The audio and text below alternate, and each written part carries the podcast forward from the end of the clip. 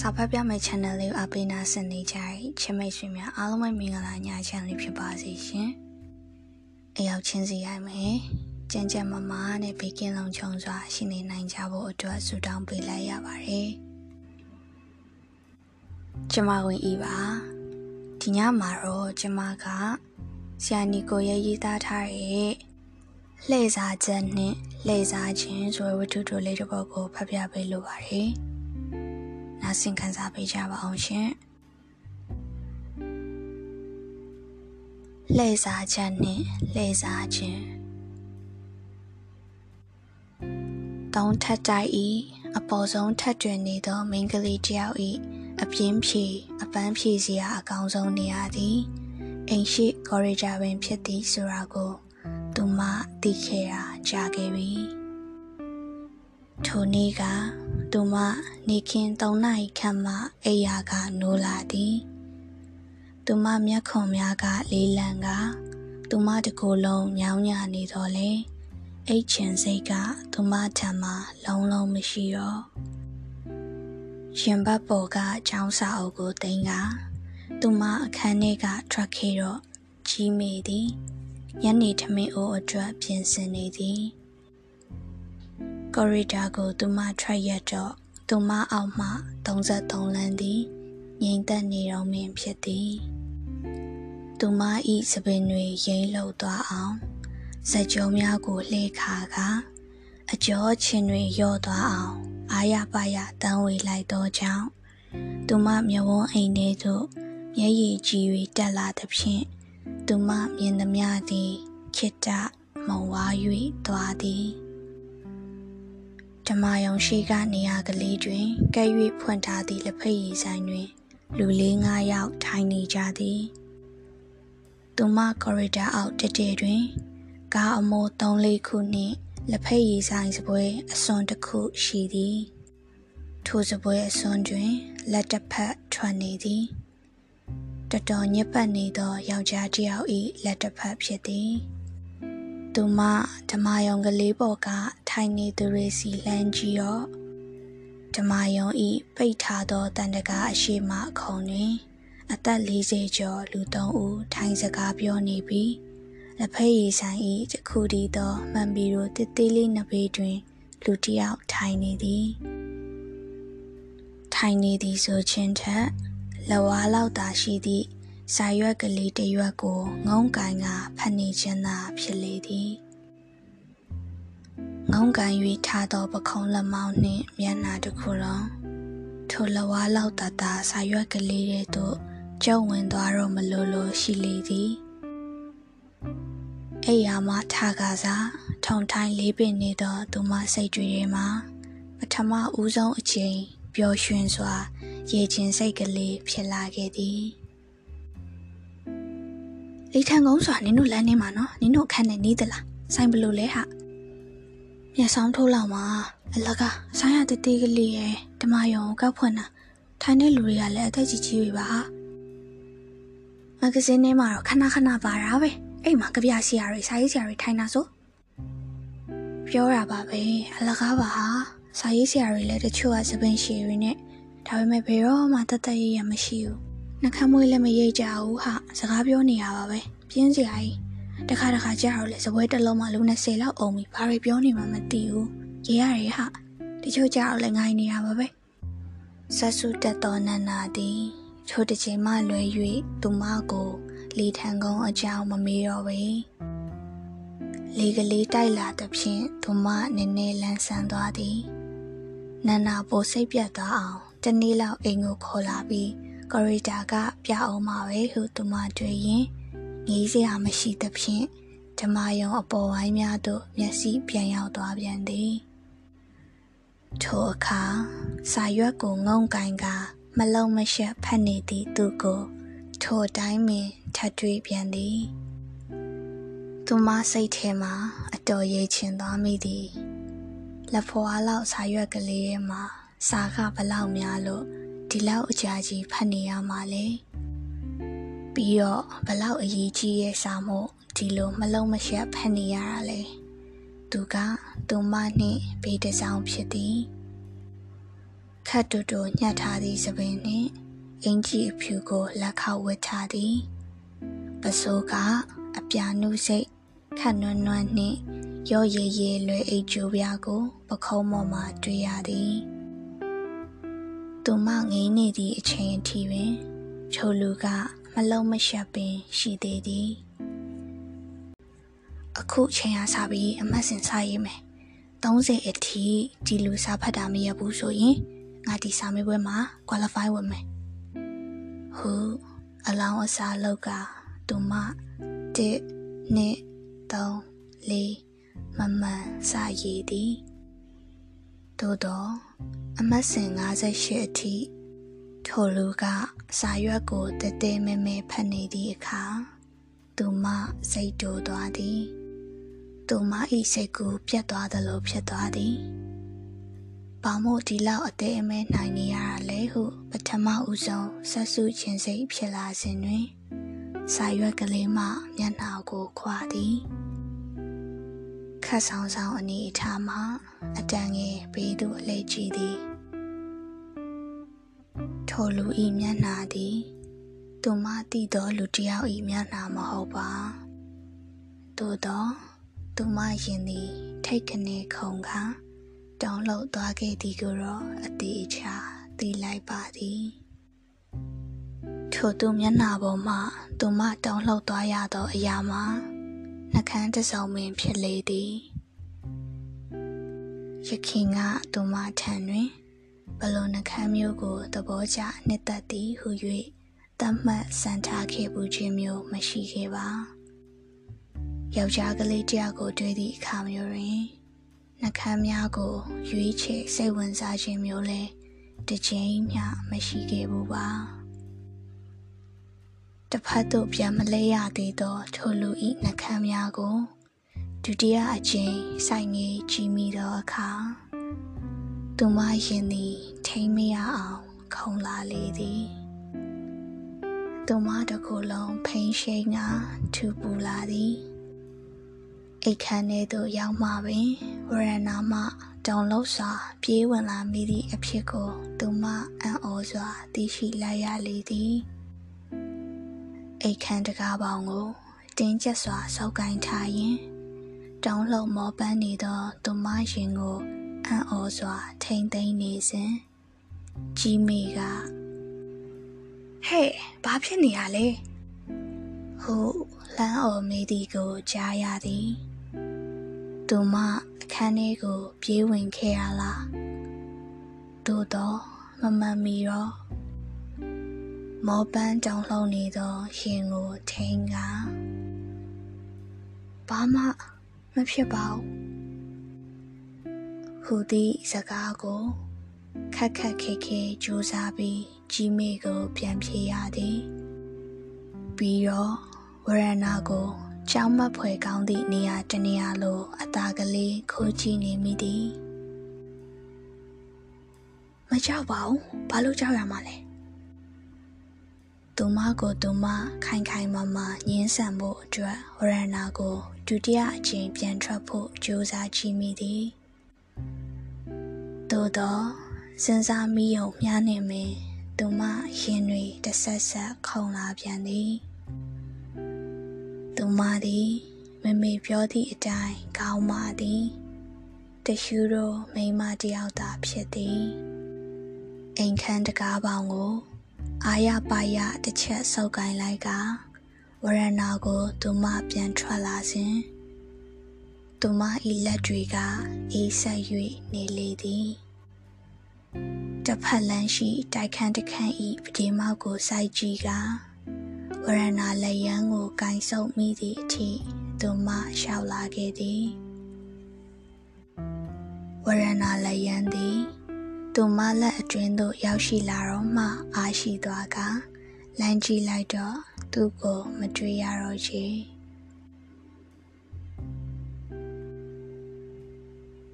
ထိုနေ့နနက်ခင်းသည်သူမအိတ်ချင်လျက်နှင့်မအိတ်ခဲ့သော ပထမဦးဆုံးနေကင်းတစ်ခုဖြစ်သည်ဝရဏမှာရက်ကလေထံကုန်းထိုင်ကုန်းများကိုငေးနေမိသည် သူကိုမတွေ့ရသည် သူမဝရဏအောက်ကကားလန်နဘေးမှာလဲထိုင်ကုန်ကလေးတွေရှိသေးသည်အဲ့ဒီထိုင်ကုန်တွေမှာများရောက်နေပြီလားသို့တော့သူလာလျင်မနေ့ကခုံမှာပဲထိုင်လိမ့်မည်ဟုသူမကထင်သည်လူတယောက်မျှထိုင်မနေပဲရင်နွေးချမ်းအိုးတအိုးနှင့်ပလက်လန်နေသောရင်နွေးခွက်တစ်ခွက်သာရှိသည့်တမဲ့ထိုင်ကုန်တစ်လုံးသည် သူမကိုရင်ခုန်အောင် လုံနေသည်ဆိုတာတော်တော်ကိုမဖြစ်တဲ့ကိစ္စပဲဟုသူမတွေးနေမိသည်သူမအချိန်မောင်းများစွာထိုကော်ရီဒါတွင် မတက်ထွက်ရကငေးမောခဲ့ဘူးတော်လေဒီတစ်ချိန်မတက်ထွက်ရရတာမလုံမချုံဖြစ်၍နေသေးသည်သူမကိုတယောက်ယောက်ကများတတိထားမိသွားမည်လားဟုတွေးက မြည်သူမျှမရှိသည့်အခြားတိုင်များကော်ရီဒါများကိုခဏခဏလမ်းကြည့်တတ်သည်ကော်ရီဒါတစ်ခု၏လက်တန်းတွင်ကြောင်တကောင်အိပ်ပျော်၍နေသည်သူမစိတ်ထဲမှာချက်ချင်းအကြံတစ်ခုရသွားကအိမ်ထဲပြေးဝင်ပြီးလျှော်ရမည့်အဝတ်ပုံထဲတွင်ခွေအိတ်နေသောကျမကိုပွေးချီက ကျင်းကလထိုင်ကလေးကိုပါယူလာခဲ့သည်ကျင်းကလထိုင်ကိုအဝိုင်းကလေးပေါ်တွင်ထိုင်ကကျမကိုပေါမော်တင်ထားရင်ပုတ်သက်ပေးနေမိသည်ကျမကအံ့ဩသလိုသူမကိုကြည့်နေကမိန်နေသည်ဟော်ရီအိုရနာတန်နိုင်ကြားရဲကဆိုလျင်သူမအတွက်အတော်အဆင်ပြေလုံခြုံသွားပြီဖြစ်လေသည်ထိုစမှာပင် ဓမ္မယုံဤပိတ်ဆိတ်ထားသောတန်တကာရှိတွင် သူကိုရင်ခုန်ပွေရာတွေးလိုက်ရလေသည်ဒီစီချိန်တော့သူမျက်နာသည်သူမဘက်သို့အလှည့်လျက်ရှိသည်သို့တော့သူမကအမြင့်ရှိကော်ရီဒါတွင် ထိုင်နေခြင်းဖြစ်သည့်အတွက်သူကသူမကိုမမြင်နိုင်ပါသူမျက်လုံးများသည် ရှေ့တက်တဲ့သို့သာကြီးလျက်ရှိသည်သူနှခမ်းများကိုမြင်ရလျင်သူမရှင်သည်ခုံ၍ခုံ၍လာနေတော်လဲမနီးကလိုအခန်းထဲပြေးဝင်ရလောက်အောင်တတိလက်လွတ်မှုမျိုးကိုတော့သူမထိန်ချုပ်နိုင်ခဲ့သည်သူမမသိစိတ်ထဲတွင်နှကန်းတစ်စုံကိုသဘောကျဖို့ရှိခဲ့သည်ဆိုလျင်ထိုနှကန်းတစ်စုံဤပုံတကြံသည် သူ့နှကန်းအတိုင်းသာဖြစ်ပေလိမ့်မည်သူနှကန်းတွင်ဒွန်ခရုစ်လိုပါလျာပြီးသေးသွေရှိလျာသည့်နှကန်းမျိုးလည်းမဟုတ်ရစ်ချက်ဂရီလိုနှကန်းသားကျင်းကျင်းပြည့်ပြည့်မျိုးလည်းမဟုတ်ချေသူနှကန်းမှာဘယ်ရုပ်ရှင်မင်းသားတယောက်၏နှကမ်းမြမဟုတ်ခဲ့သလိုသူမတိခဲ့သောဘယ်နှကမ်းမျိုးနှင့်မျှလည်းမတူချေ သူနှကမ်းများတွင်ထူးခြားမှုဟု၍ဘာမျှရှာမတွေ့သည့်တိုင်ထိုနှကမ်းမျိုးကို သူမဆွဲလန်းတတ်သည်မှာတော့အကျော်ကိုတေချာလေသည်သူမသည်ကျမဤလေပင်မှ အမွှေးနုကလေးများကိုစုပ်ကင်ထားကသူ့နှခမ်းများကိုငေးမောနေမိသည် သူ့နှခမ်းတွေကိုငေးမောသည့်အခါမျိုးတွင်သူမလက်ထဲတွင်တခုခုကိုစုပ်ကင်ထားရမှသာသူမငေးမောနိုင်သည်ကိုနောင်ကြားမှသူမသိခဲ့ရသည်သူမဝရဏတန်နိုင်များအချားမှငေမောနေစဉ်သူခုံကို လူတယောက်ဝင်ထိုင်သည်အသားညွညွ စပင်ကရုံးစတောင်းနှင့်အသက်50ခန့်ရှိမည်ထင်သည်ထိုလူသည် သူမိတ်ဆွေဖြစ်ဟန်တူ၏ရေရေမောမောစကားပြောသည်ကို သူမတွေ့ရသည်သူလက်ခံများသည်ရင်မောလိုက်လျင်ပို၍လှမသွားတော့လေသူမကတော့သဘောကျသည်သာဖြစ်သည်ခဏကြာတော့ သူကခုံမထားသည်ထို့နောက်သူမကိုကြောခိုင်းကလမ်းလျှောက်ထွက်သွားသောသူကိုဝမ်းနည်းစွာငေးမောကြည်နေခဲ့မိသည်အခုတော့သူမသူ့ကိုစောင့်ငင်းကြည့်ခဲ့သောဆက်ရှိရမြောက်သောနေသာဖြစ်သည်ထိုဆက်ရှိရအတွင်မှာသူကလေထံငုံကိုလေးချိန်တိတိလာခဲ့သည် သူကတော့သူ့ကိုစောင့်ငင်းကြည့်နေသည့်အသားဖြူဖြူမိန်းကလေးတစ်ယောက်ရှိသည်ဆိုတာကို လုံးဝမသိပုံရလေသည်သူထိုင်ကုန်ကလေးမှာစထိုင်သည့်အချိန်မှာထပြန်သွားတတ်သည့်အချိန်အထိသူမဆောင်ကြည့်ခဲ့တော်လေသူမနှင့်သူသည်မျက်ဝန်းချင်းဆောင်ခဲ့ဘူးရာတစ်ချိန်မျှမရှိခဲ့ သူသည်ထိုလေးရစလုံးတွင်တစ်ချိန်မျှသူ့အပေါ်ကိုမောမချီခဲ့ခြင်းသူကောင်းမော်တွင်တိုက်ခန်းများရှိပြီးတိုက်ခန်းများရှိတွင်ကော်ရီဒါများရှိကာထိုကော်ရီဒါတွင်မိန်းကလေးတွေထွက်ရက်ကြည့်ငေးတတ်သည်ကို သူတကားမျှမောကြည့်ခြင်းစိတ်မရှိဘူးလားသူဟာကြပြဆရာတယောက်လား ဒါမှမဟုတ်ဝိထုရေးဆရာတယောက်လားသူဟာသူမထက်အသက်နှစ်နှစ်လောက်မချီဘူးလားသူမချစ်သူထားမည်ဆိုလျင်သူမထက်နှစ်နှစ်လောက်ကြီးသည့်လူကိုထားချင်ခဲ့သည်သူကစာရေးဆရာဆိုလျင်သူ့ကလောင်နာမည်ကပါလေသူမရေးစားရှိသလားဒါမှမဟုတ်ရှိခဲ့ဘူးသလား သူဟာဖြူဖြူနုနုစကားပြောလျင်တိုးတိုးလေးပြောတတ်ပြီးတခါတရံကျင်မောင်းဝီနက်ပြဝတ်တတ်သည့်ကောင်မလေးမျိုးကိုစိတ်ဝင်စားတတ်သလားသူထိုင်နေသည့်အခါမျိုးမှာဘာတွေကိုတွေးနေတတ်သည်လဲသူမသည်သူ့ကိုကြည့်ငေးရင်းကတီးချင်သည်များကိုမေးနေမိသည် သူကပြုံးပြီးစကားပြန်ပြောသည်သူမကိုတော့မဟုတ်သူနှင့်တခုံနဲ့ထိုင်သည့်သူမိတ်ဆွေလူကြီးကိုဖြစ်သည်အခုသူ့နှကန်းတွေကိုငေးရသည်မှာအရင်နှောင်းကားလောက်မတုံလုံးတော့ပဲတုံလောက်သည့်နေရာတွင်ပျော်ရွှင်ကျေနပ်မှုကဝင်ရောက်လာသည်သို့တော့ပျော်ရွှင်မှုကအဆုံးစွန်အထီတော့မဟုတ်သူက သူမကိုမောကြည့်လျင်သူမနှင့်သူမျက်ဝန်းချင်းဆောင်ခွင့်ရလျင်သူကသူမအပေါ်မှငေမောနေသည်ကိုသိရှိသွားလျင်ပိုကောင်းလိမ့်မည်ဟုသူမထင်လေသည်အဲ့ဒါငါဘယ်လိုလုပ်အောင်လဲမနနာရဲ့နင်ကလည်းအကြံလေးပါလေးပြီးစမ်းမအောင်လောင်းဝမမကြည့်ဘူးဟုတ်လားအခုမကြည့်လဲနောက်တော့ကြည့်မှာပေါ့ဟာဒါမှမဟုတ်အောက်ကိုဆင်းသွားပြီးသူမြင်တဲ့နေရာဖျက်လျှောက်ကြည့်ပါလား ဟာမဖြစ်ဘူးကြောက်တယ်ဟာသူမကြီးဖြစ်ဖို့ကမလွယ်ဘူးယောက်ျားလေးတယောက်ဟာတလမှာတစ်ချိန်လောက်တော့အပေါ်မောကြီးတနာပေါ့နော်အဲ့ထက်ကောင်းတဲ့အကြံပေးကွာဟာနန္နာပေးသည့်အကြံတွေကသူမနှင့်တိတ်အစင်မပြေသုံးထက်ဝရဏာကထွက်ပြီးလက်ဖက်ရည်မှာဖို့ညနေချင်းဆိုင်တိုက်ကအတီးတယောက်ကိုလှမ်းခေါ်ဖို့နှင့် ဝရဏာမှတခုခုအောက်သို့လွှတ်ချဖို့တွေဖြစ်သည်ထိုအချက်တွေအားလုံးကို သူမတခုမျှမလုံးနိုင်ဆိုတာကို သူမသာသိသည်မိမပြိုလေးတယောက်ဖို့ကိုသဘောကျသည့်ယောက်ျားလေးတယောက်နှင့်ညဝန်းချင်းဆုံမို့ဆိုတာတတော်မလွယ်သည့်ကိစ္စပါလားဆိုတာသူမအသေးအချာသဘောပေါက်သွားခဲ့လေသည်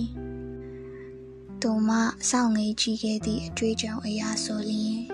သူသည်လက်ဖေးရည်ဆိုင်ရှိမှဖြတ်လျှောက်တတ်သည့်မိန်းကလေးလှလှများကိုလိုက်ကြည့်တတ်သည့်လူတစ်ယောက်မဟုတ်ချေဘသူတွေလိုက်ကြည့်တတ်သည်ဆိုတာကိုသူမအမြဲတမ်းမြင်နေရတော့လေသူကတော့ဘယ်တော့မှမကြည့်တတ်ချေသူသည် စကားပြောနေတော့လေပြောသည့်အခါတွင် ပြုံး၍နေတတ်သည်လက်ဖက်ရည်ဆိုင်ထိုင်သည့်အခါတွင် black coffee နှင့် cigarette တလိပ်ကိုတောက်တတ်သည်စကားပြောမည်သူဤတူဒီသောမိတ်ဆွေမလာလျင်မဂဇင်းတစ်စောင်ကိုလွယ်အိတ်ထဲမှထုတ်ကားတဲကြီးမဲကြီးဖတ်တတ်ခြင်းတို့ပင် ဖြစ်လေသည်ထိုအချက်ကို သူမစိတ်အပြတ်ဆုံးပင်ဖြစ်သည်ခေါင်းကောင်း၍စာဖတ်နေသည့်လူတစ်ယောက်သည်ဦးကောင်းကို မောကကြည့်ဖို့လုံးဝမဖြစ်နိုင်တော့ဘူးမဟုတ်လားသူ့ကိုသူမငေးမောခဲ့တာတလားနှင့်ရှိရဲ့အကြာတွင်သူနှင့်ပထမဦးဆုံးအချိန်မြောက်ဝန်းချင်းဆောင်ခဲ့လေသည်သူမကကော်ရီတာမှာ လက်ထောက်ကရဲ၍အခြားတစ်ဖက်သို့ငေးနေခဲ့သည်သူမောမကြီးဟုထင်၍ဖြစ်သည်မျောလင့်မထားဘဲနှင့်သူ့ဘက်သို့လှည့်ကြည့်သည့်အချိန်တွင် သူမကိုမော့ကငီးနေသောသူကိုအံ့ဩဖို့ကောင်းစွာ တွေ့ခဲ့ရလေသည်သူမနှင့်သူမျက်ဝန်းချင်းဆောင်တွေ့ချိန်သည်စက္ကန့်နဲ့တစ်ချက်ခုတ်စာများပင်ရှိခဲ့တော်လေ သူကတော့သူမကိုထိုထက်ကြကြရေးမောမိသည်မှာသိချပါသည်သူမနှင့်မျက်ဝန်းချင်းဆောင်ဆောင်ခြင်းသူကရှက်သလိုကြပြကြရာတစ်ဖက်သို့မျက်နှာလွှဲသည်သူမသည်အံ့ဩဝမ်းသာတုံ့လှုပ်ပျော်ရွှင်နေသဖြင့်သူနှင့်အသေးအချာမျက်ဝန်းချင်းမဆောင်ခဲ့ရာ မင်းနဲ့တစ်ချိန်မျက်ဝန်းချင်းဆောင်ပြီးရင်နောက်တစ်ချိန်ထက်ကြည့်မှသိကြရေကွာယောက်ျားလေးတွေကအဲ့လိုပဲဆိုသည်နန္နာစကားသည်တွတ်တွတ်ခါအောင်မှားသွားလေသည်ထိုနေ့တစ်ချိန်သာသူကသူမကိုမော်ချီခဲ့သည်သူသည်သူမကိုမော်မချီရောပဲအရှိလမ်းမကိုသာငေးမောနေခဲ့သည် ထိုနေ့က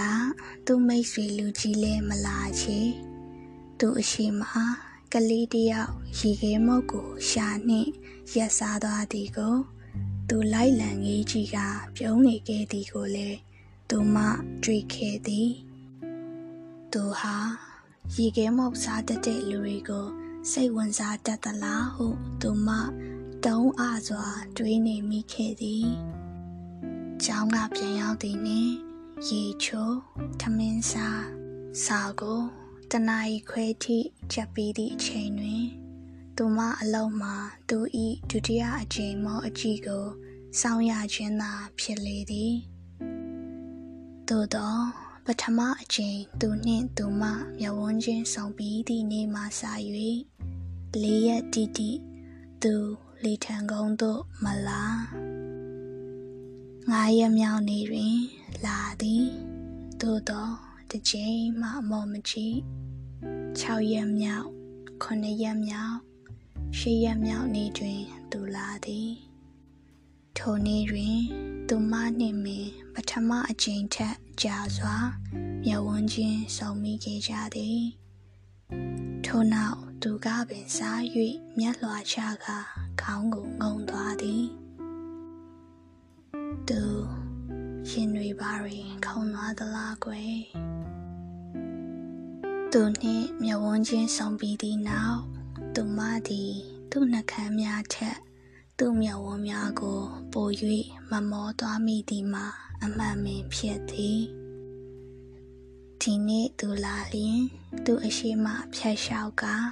ရေခဲမုတ်တစ်ခွက်ကိုဝယ်စားခဲ့ပြီး သူအရှိမပြန်လဲဖြတ်လျှောက်လာမည်ဟုစိတ်ကူးထားခဲ့သည်သို့သောထိုနေ့ကသူရောက်မလာခဲ့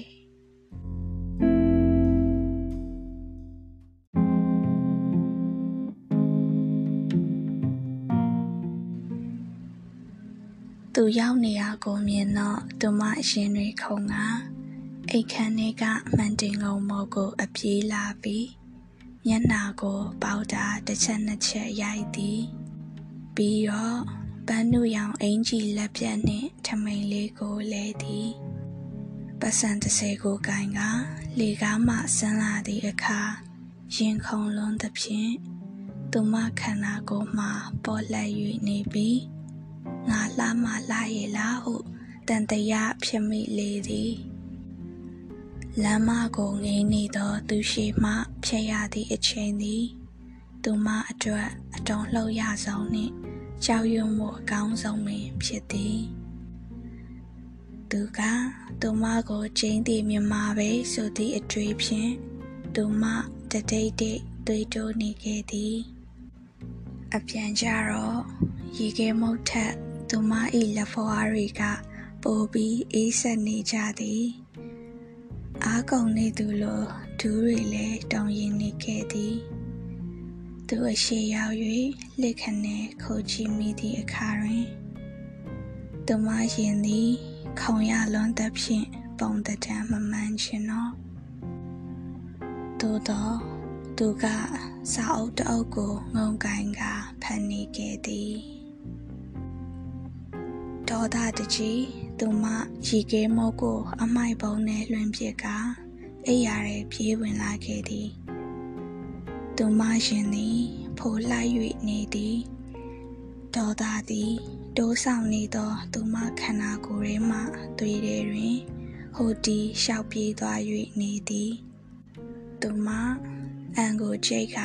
သူ့ကိုမုန်းတီးစိတ်ပထမဆုံးဝင်လာခဲ့သည် မကြည့်ရောရှင်ဘယ်တော့မှမကြည့်ရောမှသူမအတန်ထွက်အောင်မင်းပြောချလိုက်ကညနေဆောင်သည့်အထိအခန်းထဲကမထွက်တော့မမေပြန်လာ၍အခန်းထဲကထွက်ခဲ့သောအခါသူလည်းပြန်ရောက်ပြီးထင်းနှင့်ကော်ရီဒါကိုထွက်ခဲ့တော့သူ့ကိုထူဆန်းစွာတွေ့ရသည်ရခင်ကဆိုလျင် သူက9နာရီခွဲလောက်ဆိုပြန်တက်သည်မဟုတ်လားသူမစိတ်ဆိုးမပြေသေးသည့်ဒေါသနှင့်သူ့ကိုကြည့်နေတော့သူကမတက်ထရက်ကလွယ်အိတ်ကိုပြင်လွယ်ရင်သူမရှိရာကော်ရီဒါကိုလှမ်းကြည့်ကသူမကိုအာရပါရပြုံးပြပြီးထွက်သွားလေသည်အဲ့ဒါနင့်ကိုလှောင်သွားတာမပန်းရဲ့နင့်ကိုချိုးသွားတာ နန္နာကဒေါသတကြီးသူမကိုပြောတော့လေသူမကတော့ဒီလိုမထင်ပါဒါသူတကယ်ပြုံးပြသွားတာသူအပြုံးမှာအဲ့ဒီလိုရုံမာတဲ့သဘောလုံးဝမပါဘူးဆိုတာကိုသူမအသေးချာပြောရည်သည်သူကစာရေးဆရာဟာငါကလောင်နာမည်အောင်မှတည်ခဲ့ပြီပြီဘယ်သူလဲဘယ်လိုလုပ်တည်လဲ ငါနဲ့နည်းနည်းခင်နဲ့စာရေးဆရာမတယောက်ရှိရဲ့သူမလာရင်နေငါစင်မေးอ่ะသူမိတ်ဆွေလူကြီးကပချီဆရာဟာသူမကနန္ဒအနာတို့ကက်ကသူ့ကလောင်နာမည်ကိုတိုးတိုးကလေးပြောပြသည်နန္နာကနှာခေါင်းကိုရှုံသည်မကြဘူးလုံးဝမကြဘူးနေပောက်ကရစိတ်ကူးရှိနေတာတွေကိုရက်လိုက်ပါတော့မိပန်းရစာရေးဆရာတွေဆိုတာကမဂ္ဂဇင်းနဲ့ပါလာရုပ်ဆိုးတာတွေကြီးပဲဟာ ပြီးတော့ဘာတွေပြောမှလည်းမသိဘူးရေးမှလည်းမသိဘူးစိတ်ရှုပ်တယ်ဟာသူတို့ကစာသိပ်ဖတ်တဲ့မိန်းကလေးမျိုးမှချစ်တာတဲ့ငါကြားဘူးတဲ့နင်ကဘာစာတွေဖတ်ဘူးလို့လဲနန္ဒစကားဆုံးတော့သူမကရေးနေလိုက်သည်တကယ်တော့သူမသည်ဝတ္ထုတွေဘာတွေသိပ်ဖတ်သည့်မိန်းကလေးမဟုတ်နှွေချောင်းပိတ်၍အယံပြင်းသည့်အခါမျိုးတွင်ခပ်ပေါ့ပေါ့ဝတ္ထုမျိုးကိုတအုံနှစ်အုပ်ဖတ်တတ်သည် သူမတို့33လမ်းသည်စာပေလမ်းဆိုတော့လေစာအုပ်အငှားဆိုင်ဒီဇိုင်းမြမရှိ၍တခြားလမ်းမှသွားငါဖတ်ရသည်မဂဇင်းဆိုရင်လည်းအပြင်းပြေတော့ဖတ်တတ်သည်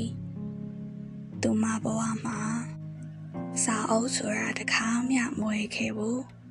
ဝယ်ရန်လဲဘာကိစ္စမှမရှိခဲ့ချေစာပဲဟာအခုဖတ်အခုရတာပေါ့ အခုဆိုငါလာစင်မဂဇင်းတွေဗကြများငေါ့မမှာတသက်ကြည့်ရဟာဒါပေမဲ့သူ့ဝတ္ထုကပြဘာမှမပါဘူးပါရောပါဖို့ရလာတော့မှမသိဘူးစာယူပေယူထင်ပါဟာမေ့ပြလိုက်ထိုအချိန်นี้သူနှင့်မျက်ဝန်းချင်းငါးချိန်ဆောင်ကအပြုံးတစ်ခုကို သူစီမှရထားပြီးသားအချိန်ဖြစ်လေသည်သူလီထံကုန်းကိုမလာရလဲတလကျော်သွားခဲ့ပြီ ထိုတလအတွင်းသူမတို့နောက်ဆုံးနှစ်ဆာမေပွဲဖြေရသည်ဆာမေပွဲရဲ့အတွင်းမှာတော့သူမကော်ရီဒါကို အတင်းမေ့ယူချခဲ့ရသည်သူမစာမေးပွဲကိုကောင်းစွာဖြေဆိုခဲ့ပြီးစာမေးပွဲအပြီး၃ရက်အကြာတွင် သူ့ကိုတမန်တကာအရှိတွင်မြင်လိုက်ရတော့သူမအိတ်ခမ်းနှင့်ပြေးဝင်ခဲ့သည်ပ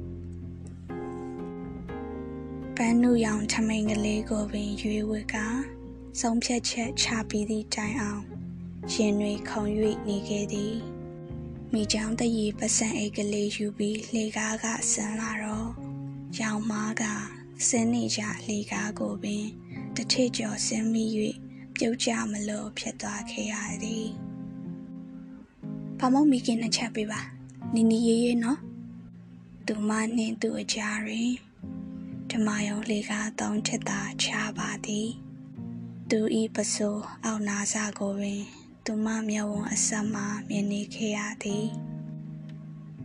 နီနီရဲရဲဆိုသောစကားကို သူမတမင်တကာပြောခဲ့ခြင်းဖြစ်သည်ထိုစကားသည် ထိုဝကြအတွက်အပိုစကားသာဖြစ်သည်ဆိုတာကိုစာရေးဆရာတယောက်ဆိုလျင်သိဖို့ကောင်းပါသည် သူမသည်မိချောင်းတရီပစံအိတ်ကလေးကိုလက်နှစ်ဖက်ဖြင့်ကိုင်ကသူ့အရှိနာမှာရနေရင်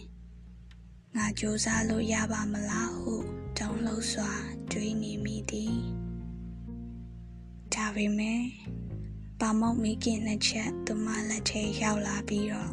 သူမသည်မယုံကြည်နိုင်ပွဲရာတတိဝေဝင်လာကသူ့ဘက်သို့လဲရင် စားပါအောင်လားဟုပြောကအာရပါရပြုံးပြနိုင်ခဲ့သည်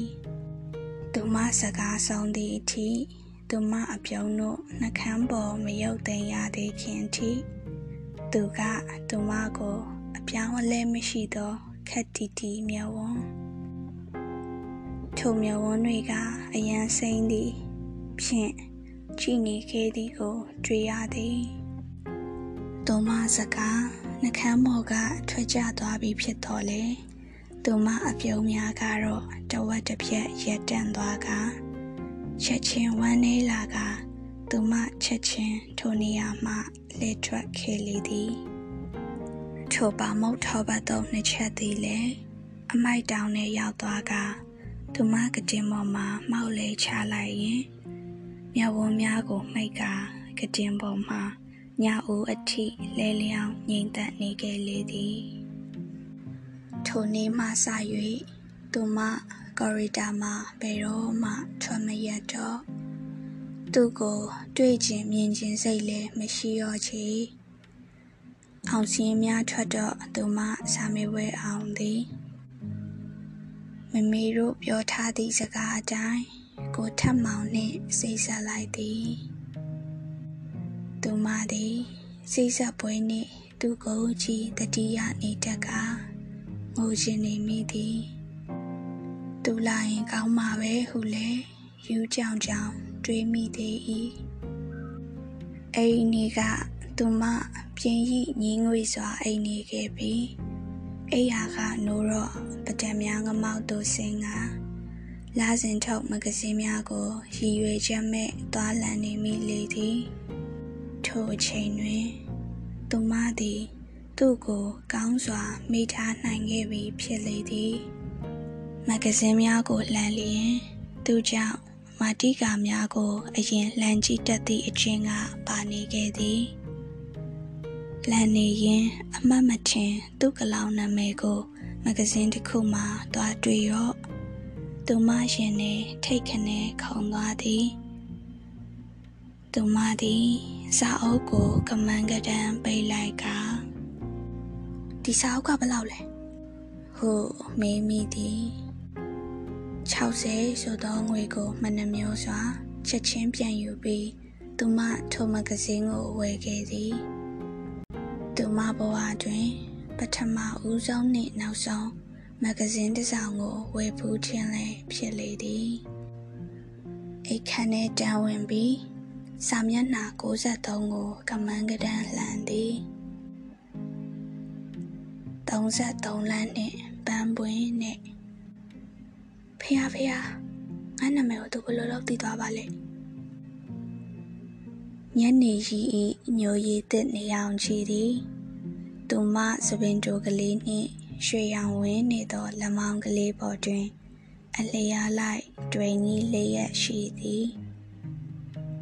သူမ၏မျက်ဝန်းများသည် မကြသေးခင်ကမှအေရီဝါခေဟန်တူသည်နှွေလေအိမ်မက်ဤခိတချောမြူခြင်းမှလွန်မြောက်လာခါစားထုံမြဝန်းအညိုရောင်များတဲ့တွင်သူမသည်တထိတ်ထိတ်ခုံသောရင်ဖြင့်စာလုံးများကိုကမန်းကဒန်းဖတ်သွားမိသည်သူမအကျော်အချင်းတွေတောင်တင်းလာက ဒေါသသည်နှလုံးသားမှတဆင့်အတိညာအတိညာမှတဆင့်သွေးကြောများတဲ့သို့ဒရဇက်ဖြာချလာလေသည်ကော်ရီဒါတွင်ခဏထွက်ရသည့်မိန်းကလေးတယောက်၏မျက်ဝန်းများကိုစုံမိုးဆိုရာလာပြေညာကိုစောင်းရသည့်ထပ်ပင်ခတ်သေး၏လာပြေညာသည်အသေးအချာကောင်းငင်မော်ခုန်တက်လာနိုင်တော့လေ ကော်ရီဒါမှမျက်ဝန်းများသည်ပေတော့ကျွန်တော်ဘက်ဝေးလေလာမည်ဆိုသည်ကိုကျွန်တော်သည်မကြာခဏသူမပုတ်တက်ပေးနေသည့်ကြောင်ကလေးဖြစ်ခြင်းသည်သူမပခုံးဦးစွန်းနှင့်ထိကပ်နေသောပိန်ပန်းရွက်ကလေးဖြစ်ခြင်းနေသည်သူမက